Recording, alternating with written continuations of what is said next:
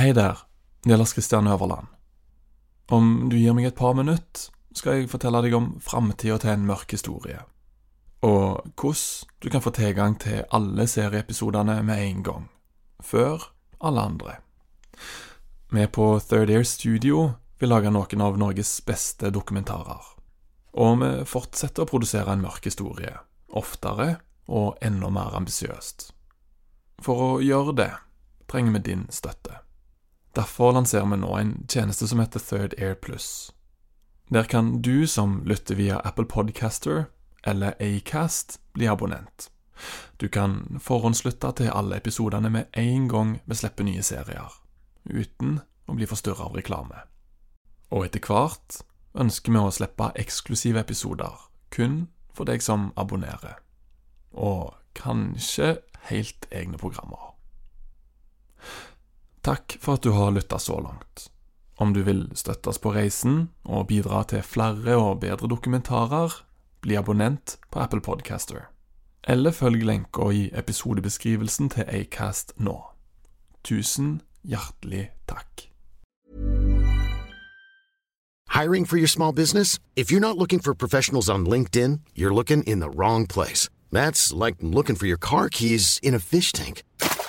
LinkedIn helps you hire professionals you can't find anywhere else, even those who aren't actively searching for a new job but might be open to the perfect role. In a given month, over 70% of LinkedIn users don't even visit other leading job sites. So start looking in the right place. With LinkedIn, you can hire professionals like a professional. Post your free job on linkedin.com slash people today. A lot can happen in three years, like a chatbot may be your new best friend. But what won't change? Needing health insurance. United Healthcare Tri Term Medical Plans, underwritten by Golden Rule Insurance Company, offer flexible, budget friendly coverage that lasts nearly three years in some states. Learn more at uh1.com.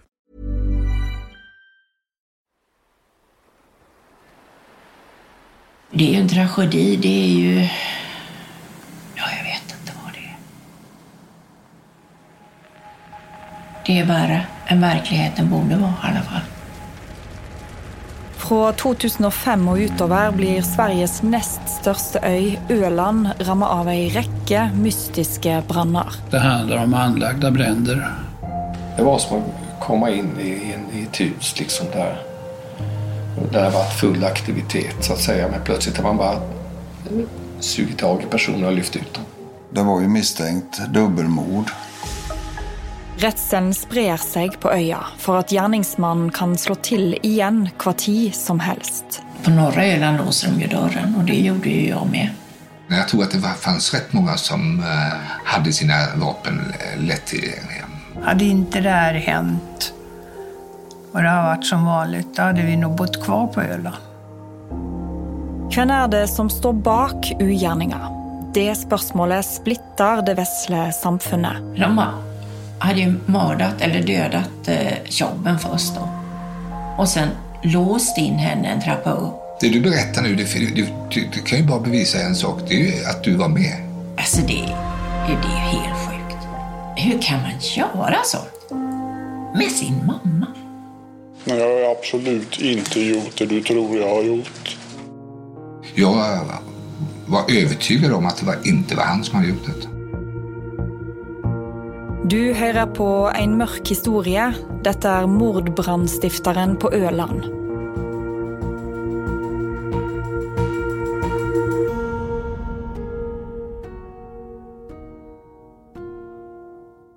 Episode 1 Mystiske branner. Mina föräldrar, eller våra föräldrar, hade ju en lanthandelaffär. Så det var, man träffade ju man träffade ju nästan alla som bodde i byn. Vi er i Bykselkrok, lengst ute på den nordvestre odden av Øland. Det er tidlig på 50-tallet, og i den vesle kunstbyen vokser Rosmarie Abrahamsen opp, i lag med sin to år yngre bror Per Olof. Fast det fanns inga tjejkompisar. Så att... Eh, jo, det fanns en, men det var flera kilometer bort, eller en halv mil kanske. Så att jag lekte mest med killarna. Nordre Øland er karrig og flatt. Når himmelen er blå, går det an å se fastlandet på den andre sida av sundet. Uten båt er Ølandsbrua den eneste måten å komme seg over. Men den ligger mange, mange mil lenger sør. På somrene leker Rosmarie og Per Olof cowboy og indianer i skogen. Det var ju de här små tidningarna som fanns på den tiden. Eh, ja. Små cowboytidningar vet jag Per-Olof hade hemma som han läste i. Det var väl där de hittade det. Jag har kvar många fortfarande. Jag kan inte slänga dem. Jag vet inte vad jag ska göra med dem, men eh, ja. De ligger i en kartong. Når feriegjestene forlater Bykselkrok i slutten av august, blir det nesten ubehagelig ensomt her. Butikker og restauranter lukker dørene. Hytter og små hus står tomme hele vinteren. Og fastlandet på den andre sida av sundet er nå umulig å se i den tett ølandske tåka. Igjen sitter drøyt 100 fastboende. Blant dem er Rosmarie og Per Olof. Ja, han var ju min bror. Absolut. Min lillebror. Vi var väl ovänner också naturligtvis, som tur är. För det är väl alla syskon. Kommer ihåg en gång när han stängde in mig i ett sånt här underskåp och det gick inte att öppna inifrån. Men så var det lådor ovanför så jag lyckades skjuta ut en sån med bestick så att då hörde väl mamma och pappa ute i affären att det hände något i köket. Men alltså det är ju sånt som händer.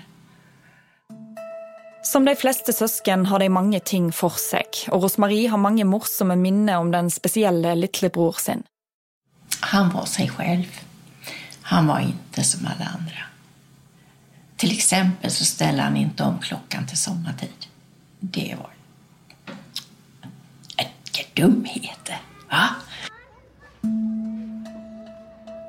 50 år har gått siden søsknene lekte cowboy og indianer i skogen. Det meste er likt. De ser rett nok ikke hverandre like ofte, men begge bor fremdeles på Øland. En søndag i mars 2005 blir Per Olof syk og må dra med ambulanse til sykehuset i Kalmar. Och då var det Barbro som ringde till mig och sa att han låg på Kalmar, att ambulansen hade hämtat honom. Barbro er venninna til Rosmarie. Hun forteller at Per Olof mest sannsynlig har fått et epilepsianfall. Jag frågade om det var allvarligt och så, om jag behövde åka in. Nej, sa de, det, det är ingen fara. Men vi behåller honom här över natten. Okej. Okay. Men eh, jag åkte in i alla fall. Jag vet inte varför. Det, det kändes bara att jag ville det. Så, och då låg han ju på akuten. Så då satt jag väl där den eftermiddagen och det er drøye ti mil til fastlandet og Kalmar, og den vesle politistasjonen i Borgholm ligger 50 minutters kjøretur unna. Skjer det noe, tar det tid før hjelpa er på plass. Per Olof kommer seg fort, og dagen etter får han reise hjem igjen til Bykselkrok. Och sen ringde jag honom på kvällen, måndagskvällen, och då var han hemma. Allt hade gått bra. Och jag undrar vad han gjorde. Det gjorde han apelsinsaft. Jaha, okej. Okay. Ja, men det är mycket apelsiner. Ja, ja, ja. Det är jättebra. Jag trodde du bara skulle vila eller någonting, men ja. Det skal bli den siste gangen Rosmarie får høre broren si stemme.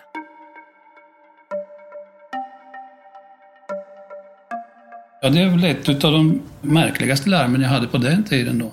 Dagen etter, tirsdag den 8. mars 2005, får brannsjef Bengt Andersson en nødsamtale. Det gick larm på morgonen eh, från SOS då och eh, de, sa, de hade inte larmat ut någon styrka då utan eh, larmet till mig det var att det är en man som ringer här och han säger att när han drar upp rullgardinen så är grannhuset borta. Det är naboen till Per Olof som ringer in till alarmcentralen. Han säger att det inte är något poäng att brannvesenet skynder sig. Huset är allerede bränt. ned. En brannstyrke fra nabobyen Løttorp blir sendt ut for å sjekke brannen.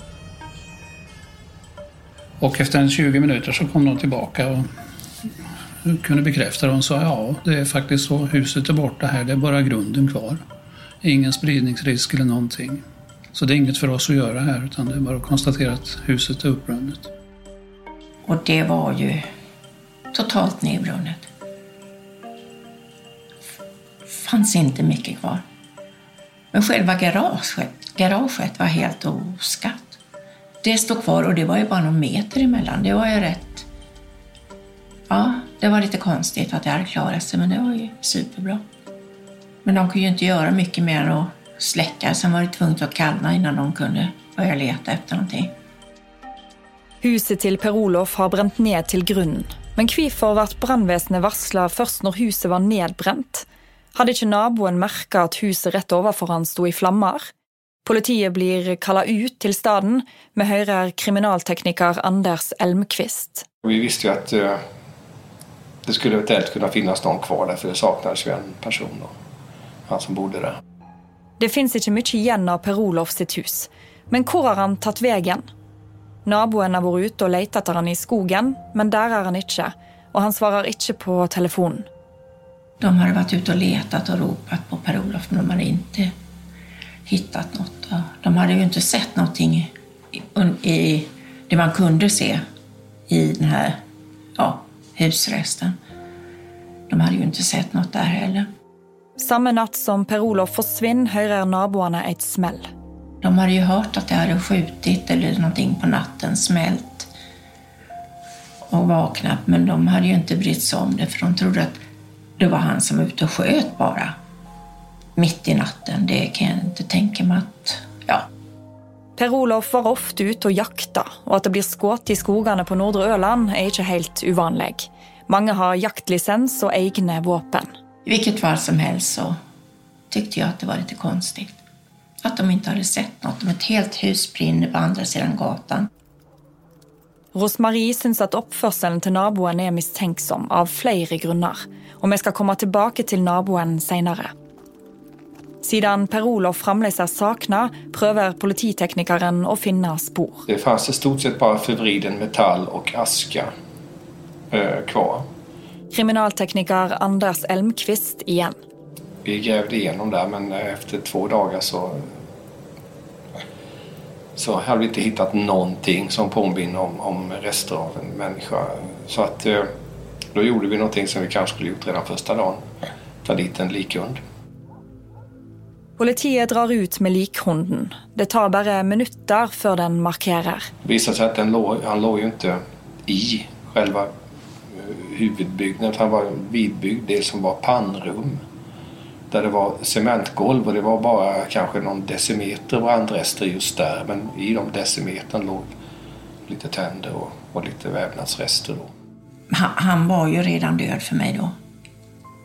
För de hade ju letat med hundar i skogen och allting. Och jag kommer inte ihåg hur länge det tog ens innan de hittade honom. Men då kom det två poliser hit och topsade mig för att de skulle se om det var det de hade hittat, om det var honom. Obduksjonen viser at mannen i fyrrommet er Per-Olof. Han er så brent at det eneste som er igjen av han er tennene, noen vevsrester og titanskruer fra et implantat. Men det är inte mycket att säga när det är så lite kvar.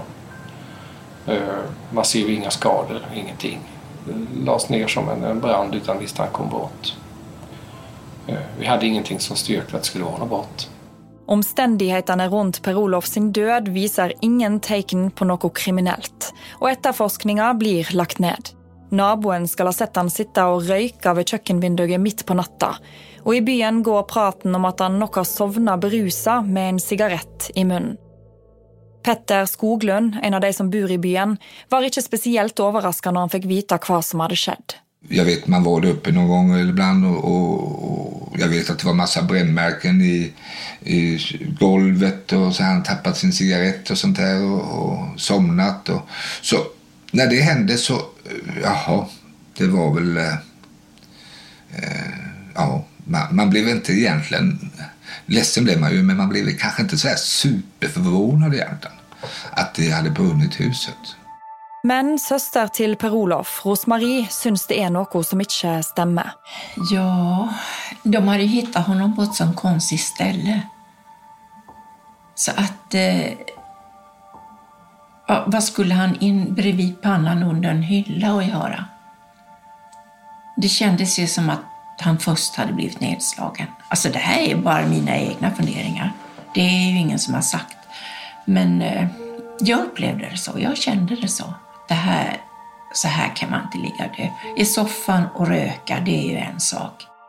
Hva som egentlig skjedde med Per Olof den der natta 2005, kommer Rosmarie kanskje aldri til å få et skikkelig svar på. Men det är klart att det, det är ju hemskt. Det, det är fruktansvärt. Det blir så tomt. Øland har gjennom historien vært assosiert med mange branner. Et av øyas mest kjente landemerker, Borgholms slottsruin, er et resultat av en heftig brann på 1800-tallet. Så seint som på 50-tallet skremte en mistenkt pyroman hele øya. Når Per Olof sitt hus blir jevna med jorda i mars 2005, er det ikke den eneste mystiske brannen på Nordre denna denne perioden. Ett år senare blir brandchef Bengt Andersson kalla ut på nok ett liknande uppdrag bara några kilometer från branden året för. Det var alltså eh, en ladugårdsbrand. Eh, när man kommer dit så är det då eh, övertänt den här ladan. I boningshuset så bor det ett äldre par och en son till, till dem.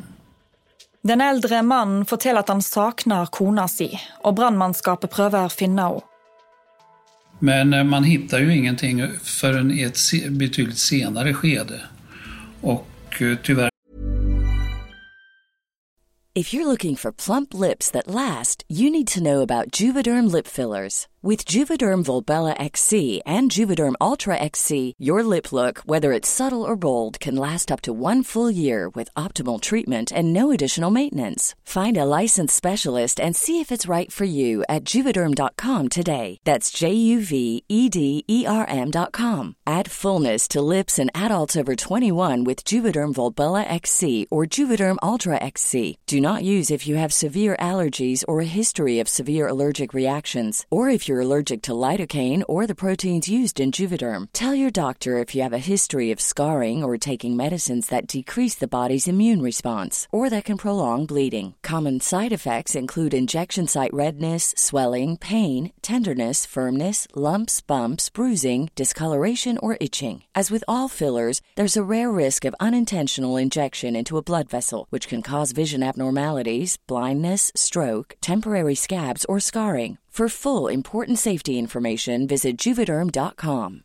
If you thought the only way to get a more defined jawline with natural looking results was through surgery, think again. Juvederm Volux XC is a non surgical injectable gel filler that improves moderate to severe loss of jawline definition and can help you achieve natural looking results with little downtime. Even better, this improved definition lasts up to one year with optimal treatment. No maintenance required. Improve jawline definition for a smooth, sculpted look with Juvederm Volux XC. For important safety information and to find a licensed specialist, visit juvederm.com. That's J U V E D E R M.com. Not for people with severe allergic reactions, allergies to lidocaine, or the proteins used in Juvederm. Common side effects include injection site redness, swelling, pain, tenderness, firmness, lumps, bumps, bruising, discoloration, or itching. There's a risk of unintentional injection into a blood vessel, which can cause vision abnormalities, blindness, stroke, temporary scabs, or scarring. Talk to a licensed specialist to find out if it's right for you.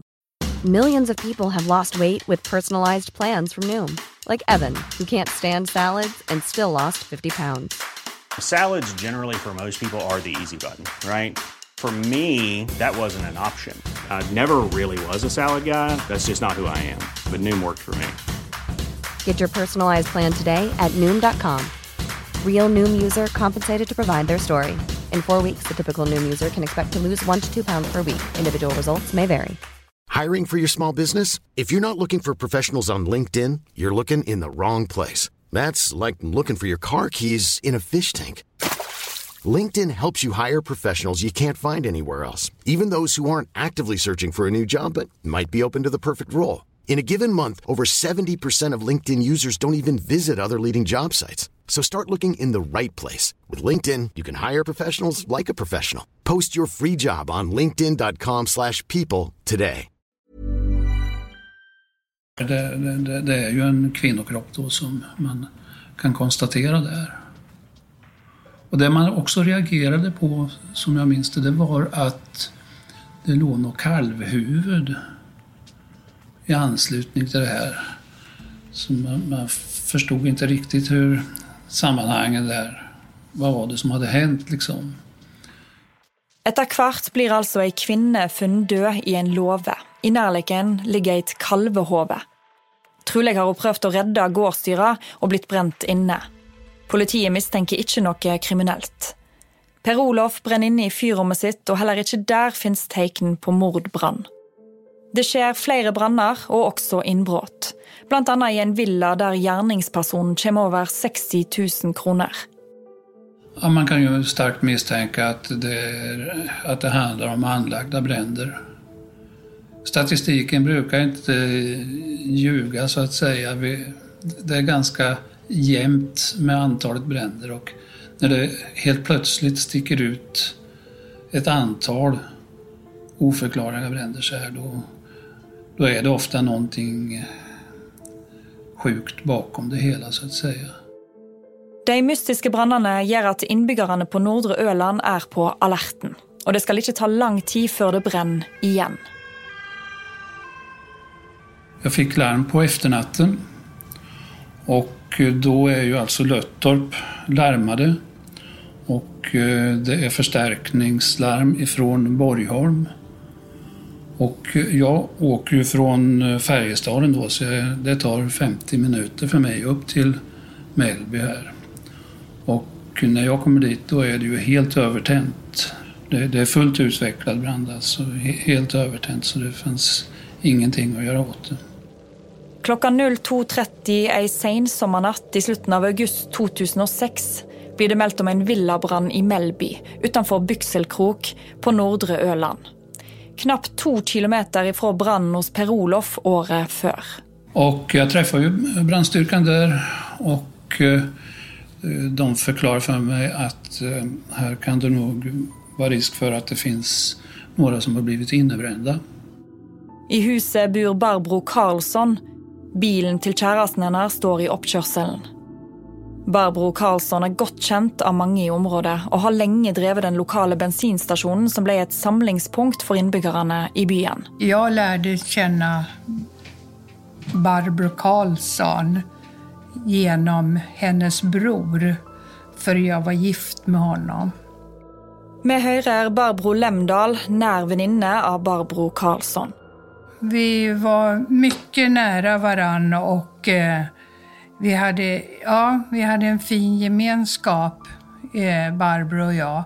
Och eh, hon var väldigt mån om en och eh, ja, tog hand om en. Om, jag, eh, om hon fick en sak då kunde hon säga att ja, men den andra Barbro då, ska inte hon få?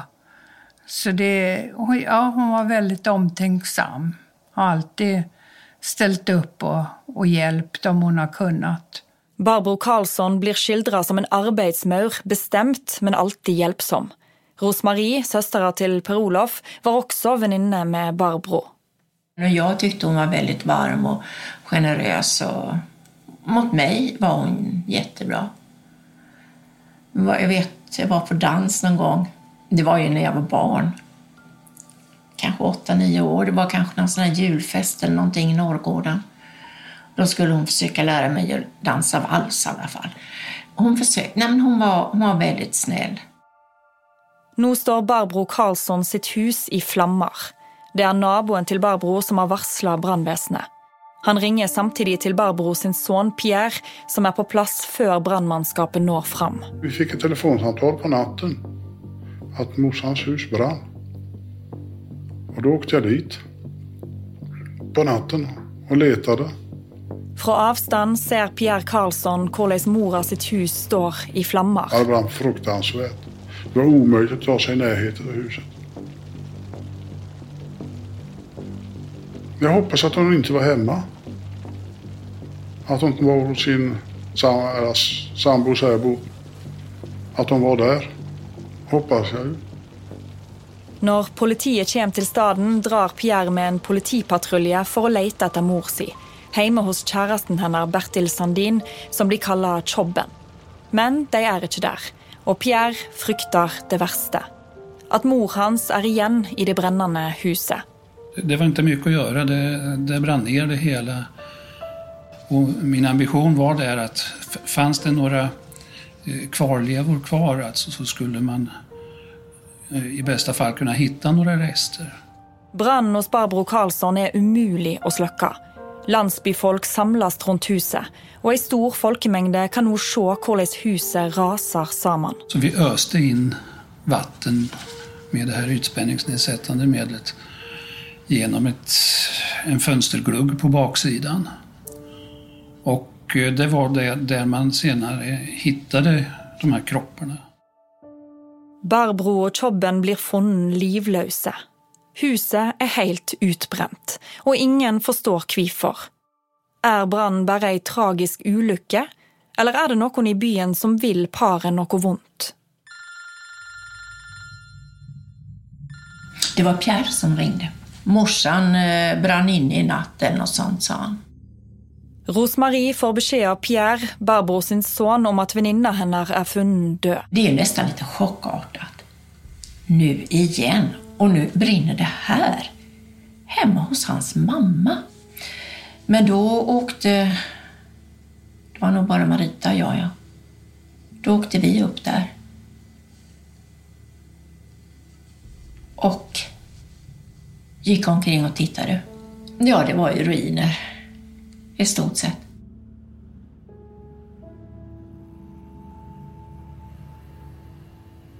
Då kom Pierre på mopeden.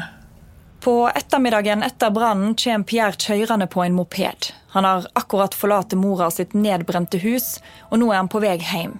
Men først stopper han hos naboene Lemdal. Och eh, då stannade han.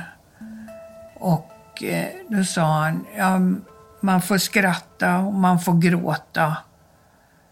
Sa han. Han var inte direkt jätteledsen, inte då när vi såg honom i alla fall. Men vi tyckte det var konstigt att han var kanske så oberörd.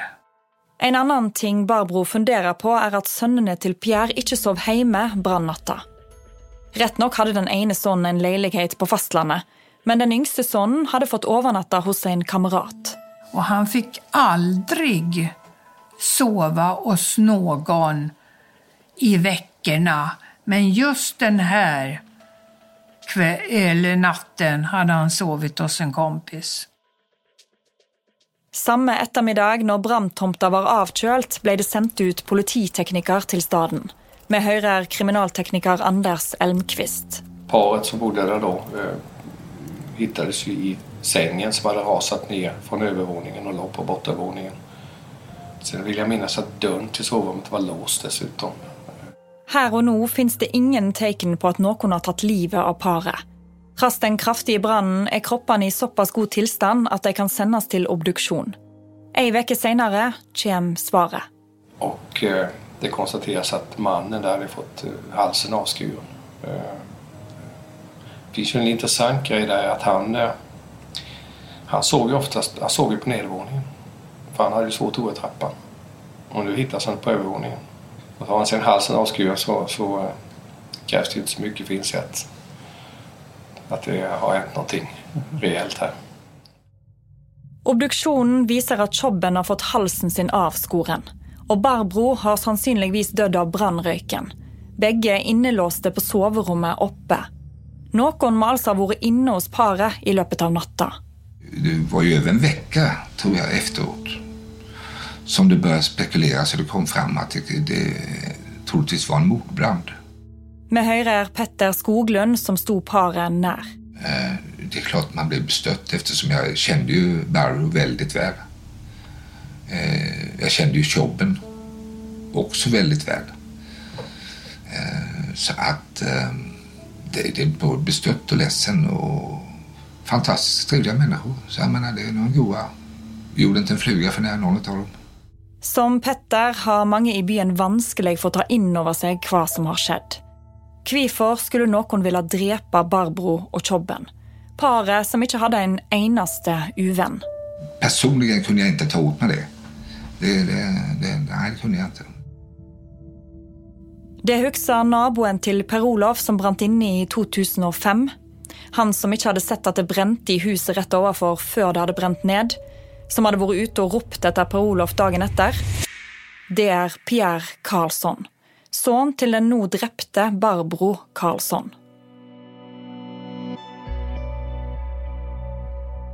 Det var ju Pierres mamma då. Jag gick ju nästan som son i huset, kan man ju nästan säga ibland. Når Petter Skoglund er liten, bestemmer mor hans seg for å flytte til Småland. Men Petter vil bo igjen i Bykselkrok og havner til slutt hos en fosterfamilie på Øland. Når han blir eldre, bor han en stund hos Barbro Karlsson. Og Barbro sin sønn Pierre skal komme til å bli hans beste venn. Man kan säga under mopedåldern så, så eh, uh, träffades vi väldigt mycket och sen så utbildade, utvecklades det här till en väldigt bra... Vi var ju nästan... Uh, eh, ja, vi, vi umgicks väldigt mycket. Jag bodde till och med periodvis uppe hos honom. Och uh, när vi var lite yngre då så var vi ute och festade och hade sådär. Etter ungdomsåra utvikler forholdet seg. Ja, det var en nära relation med Pierre faktiskt. En speciell, en speciell relation. Han hade ju inga syskon så att uh, uh, vi, var, ja, vi var väldigt nära. Vi var ute och jobbade tillsammans. Vi var på sjön och fiskade tillsammans. Vi var iväg och snickrade tillsammans. Och, ja, mycket sånt. Ja. I voksen alder jobber de mye i lag. Pierre hjelper til med å bygge restauranten som Petter kommer til å drive i mange år framover. Og på Nordre Øland er Pierre en skikkelig handyman som är dyktig på å snickra. Jag tror de flesta människorna upplevde honom som väldigt snäll. En, en, en, han var rätt stor, han var kraftig. Um, inte tjock på något sätt, utan men kraftigt byggd. Uh, väldigt duktig yrkesman. Och, och eh, jag tror de flesta eh, snäll, trevlig, eh, lite, lite nallebjörn. Alltså det, det jag tror att de flesta upplevde det så. Här inne hos grannen var han ju en gång och byggde en ny trappa. Och han har ju varit och byggt flera av husen här borta. Och det har han ju gjort det mesta själv. Så han, jag tror han gjorde både stora och små jobb. Jag tror att han var väldigt duktig. Jag tror han var snäll. Och mot familjen verkar han ju varit omtänksam och Pierre var... Jag tror han var omtyckt av alla och han var som en stor nallebjörn. Barbro Lemdal igen. Och eh, ja, han var väldigt eh, ja, mån om, om de som han runt omkring. En stor, snill teddybjørn. Slik er bildet mange av innbyggerne på Nordre Øland tegner av Pierre. En hjelpsom og dyktig snekker som alltid stiller opp. Men det ser ut for at det også finnes ei side ved han som bare noen få har sett. Ja, Pierre han, han kunde bli arg. Och då var det inte roligt. Och arg kan vi bli alla, men han hade som de säger svarta ögon. Ja, han kunde väl se, om man säger oskyldig ut och kanske inte var så oskyldig. I november 2006, drøyt to måneder etter brannen i Bykselkrok på Nordre Øland, blir Pierre Karlsson arrestert for mordet på mora Barbro og Tjobben. Jag var övertygad om att det var inte var han som hade gjort detta.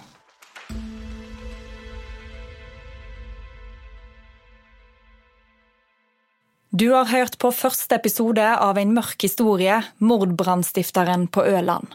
En dokumentar av Morten Trofast, omsett og fortalt av meg, Marte Rommetveit, ved Munch Studios.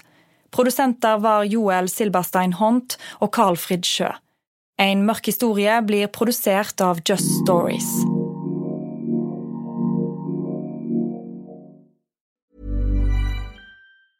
Even when we're on a budget, we still deserve nice things. Quince is a place to scoop up stunning high-end goods for 50 to 80% less than similar brands. They have buttery soft cashmere sweaters starting at $50, luxurious Italian leather bags, and so much more. Plus, Quince only works with factories that use safe, ethical, and responsible manufacturing. Get the high-end goods you'll love without the high price tag with Quince. Go to quince.com/style for free shipping and 365-day returns.